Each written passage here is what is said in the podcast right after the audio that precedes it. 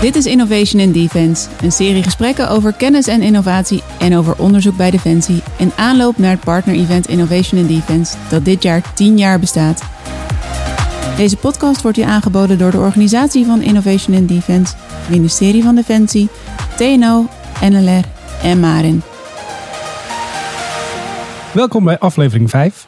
Eh, ik ben Frank Bos en vandaag hebben we de gasten Karin de Groot-Trouw, projectleider bij TNO. En kapitein-luitenant ter zee Harry Leijzinga, senior stafofficier bij de afdeling Science and Technology van het ministerie van Defensie.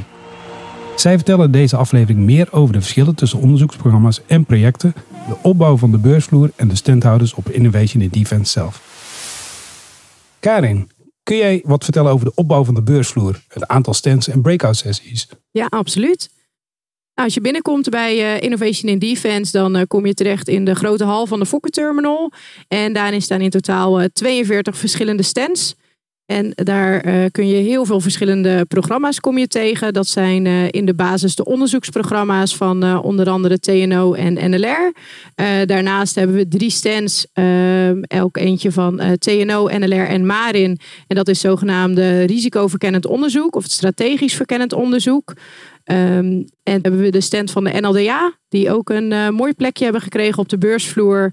En de laatste die we absoluut niet mogen vergeten is de innovatiecentrale. Uh, dat zijn acht verschillende stands en die zijn echt door Defensie opgezet. Uh, waarin je de kortcyclische innovaties tegenkomt die nou ja, eigenlijk vrijwel op de werkvloer zijn uitgevoerd. En naast deze stands zijn er 21 nationale technologieprogramma's die ook op de beursvloer laten zien wat er, wat er allemaal te zien is, wat zij hebben, hebben onderzocht in het afgelopen jaar. Nou, dat klinkt als een heleboel. En wat kunnen we dan zo bij de stands bijvoorbeeld allemaal al zien? Nou, elke stand die uh, presenteert zijn eigen onderzoeksprogramma. En om een uh, paar voorbeeldjes te geven. We hebben bijvoorbeeld het uh, programma CBRN. Dat is chemisch, biologisch, radiologisch en nucleair. Die hebben de afgelopen jaren onderzoek gedaan naar de meest recente ontwikkelingen. En die nemen een, een voertuig mee. Een grote vrachtwagen eigenlijk. Die gebruikt wordt voor, voor ontsmettingen in de toekomst. die bij Defensie kan worden ingezet. dat is een van de dingen die we kunnen zien we zien uh, een, uh, zowel een NTP als ook binnen de innovatiecentrale zien we een exoskelet. Waarbij mensen dus uh, makkelijker kunnen bewegen door eigenlijk een, een extern skelet wat je aan kunt trekken. En nou ja, de derde die ik dan nog wil benoemen. Ik ga ze niet alle 42 behandelen. maar er is ook een combinatie van vier verschillende nationale technologieprogramma's. Die met drones bezig zijn. Die nemen ook een speciaal voertuig mee. Waaruit drones kunnen opstijgen en weer landen. Oh, maar dan is er echt heel veel hardware ook fysiek te zien. Ja, daar streven we elk jaar zeker naar. Ja, dat is toch leuk als mensen echt iets uh, kunnen laten zien. Daarnaast zijn er, naast de hardware, zijn er ook verschillende programma's die natuurlijk voornamelijk uh, uh, softwarematig aan het werk zijn geweest. En die zullen filmpjes laten zien en natuurlijk personeel aanwezig hebben die gewoon inhoudelijk kunnen vertellen wat ze allemaal hebben onderzocht.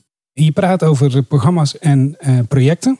Harry, Kun je misschien wat meer vertellen over de breakouts? Wat, uh, wat kunnen we daar allemaal verwachten? En wat zijn de verschillen tussen de programma's en de projecten? Uh, de verschil tussen de programma's en de projecten zijn... de programma's zijn vaak uh, vierjarige durige projecten. Dus zeg maar, die duren vier jaar van begin tot eind.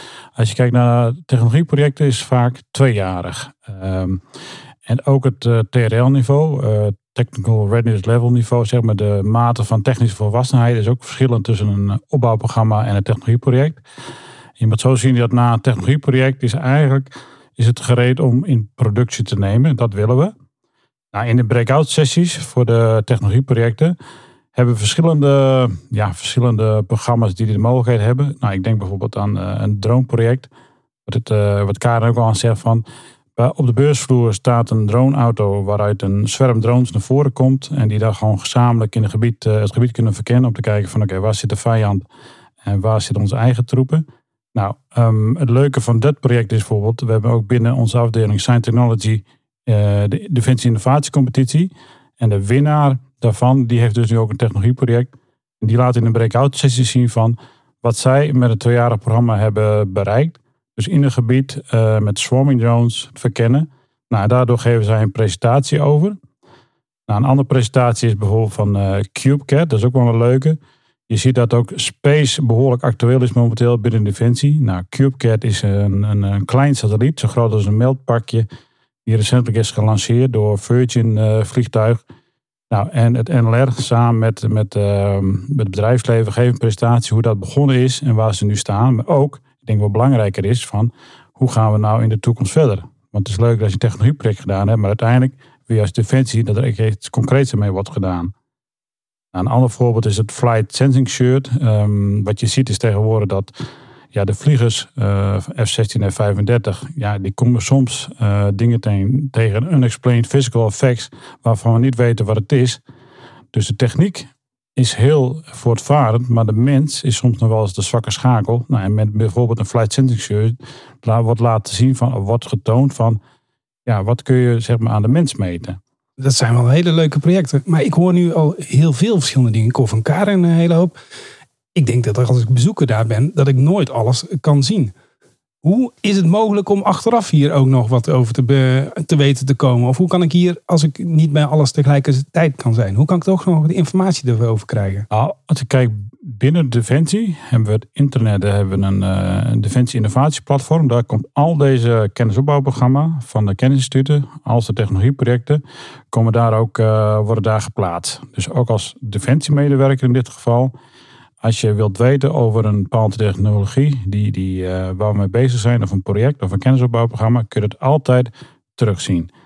Daarnaast hebben we ook een, een programmaboekje tijdens Innovation Defense. Die is zowel digitaal als als je op Innovation Defense komt, krijg je die uh, fysiek.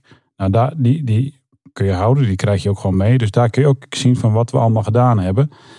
Want het is net als Karen ook zegt van, we hebben 42 stands. Um, dus mijn advies is ook aan de voorkant goed na te denken van oké, waar wil ik mij op focussen? Wat wil ik in ieder geval zien?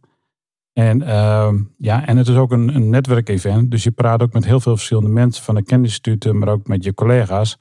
Om te kijken van oké, wat hebben we nu? Maar wat zouden we in de toekomst nog meer willen doen? Um, dus je zult echt wel een keuze maken, of een keuze moeten maken aan de voorkant van wat wil ik in ieder geval zien. En, en, ja, na de hand kun je het nalezen in het programmaboekje of op het uh, ja, innovatieplatform van Defensie. Nou, dat klinkt goed. Karin, even praktisch. Wat moeten de mensen echt niet vergeten voor uh, het bezoek aan Innovation in Defense? Ja, om uh, binnen te komen heb je een QR-code nodig. Nou, we hebben de laatste jaar al heel wat gehoord over QR-codes. Dit is geen corona-toegangsbewijs. Die hebben we gelukkig niet meer nodig. Maar je hebt wel een QR-code nodig die je krijgt op het moment dat je hebt aangemeld via de aanmeldlink.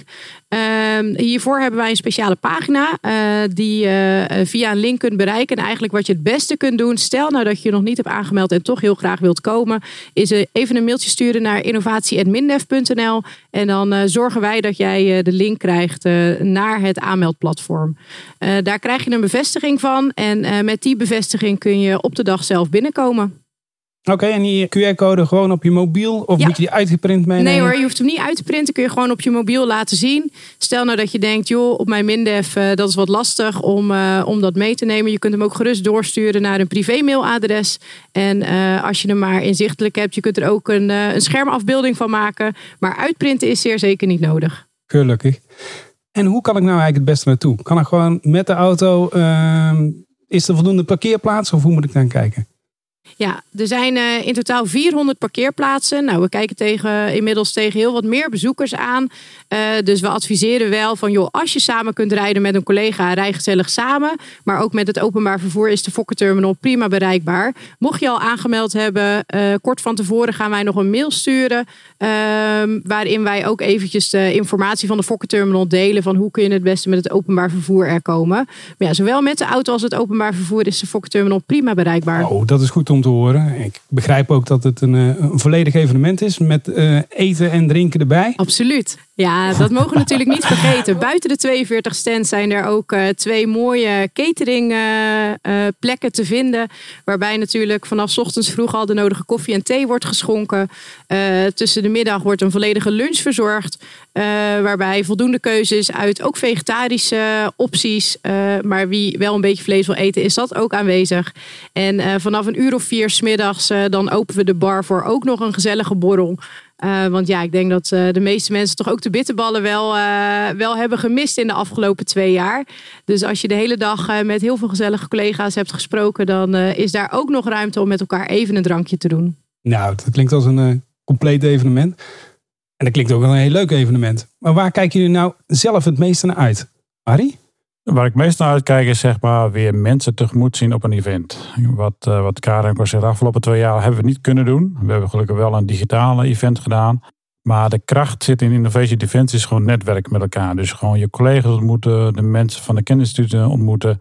En het mooie is dan ook van uh, door fysiek bij elkaar te komen ontstaan er ook nieuwe ideeën.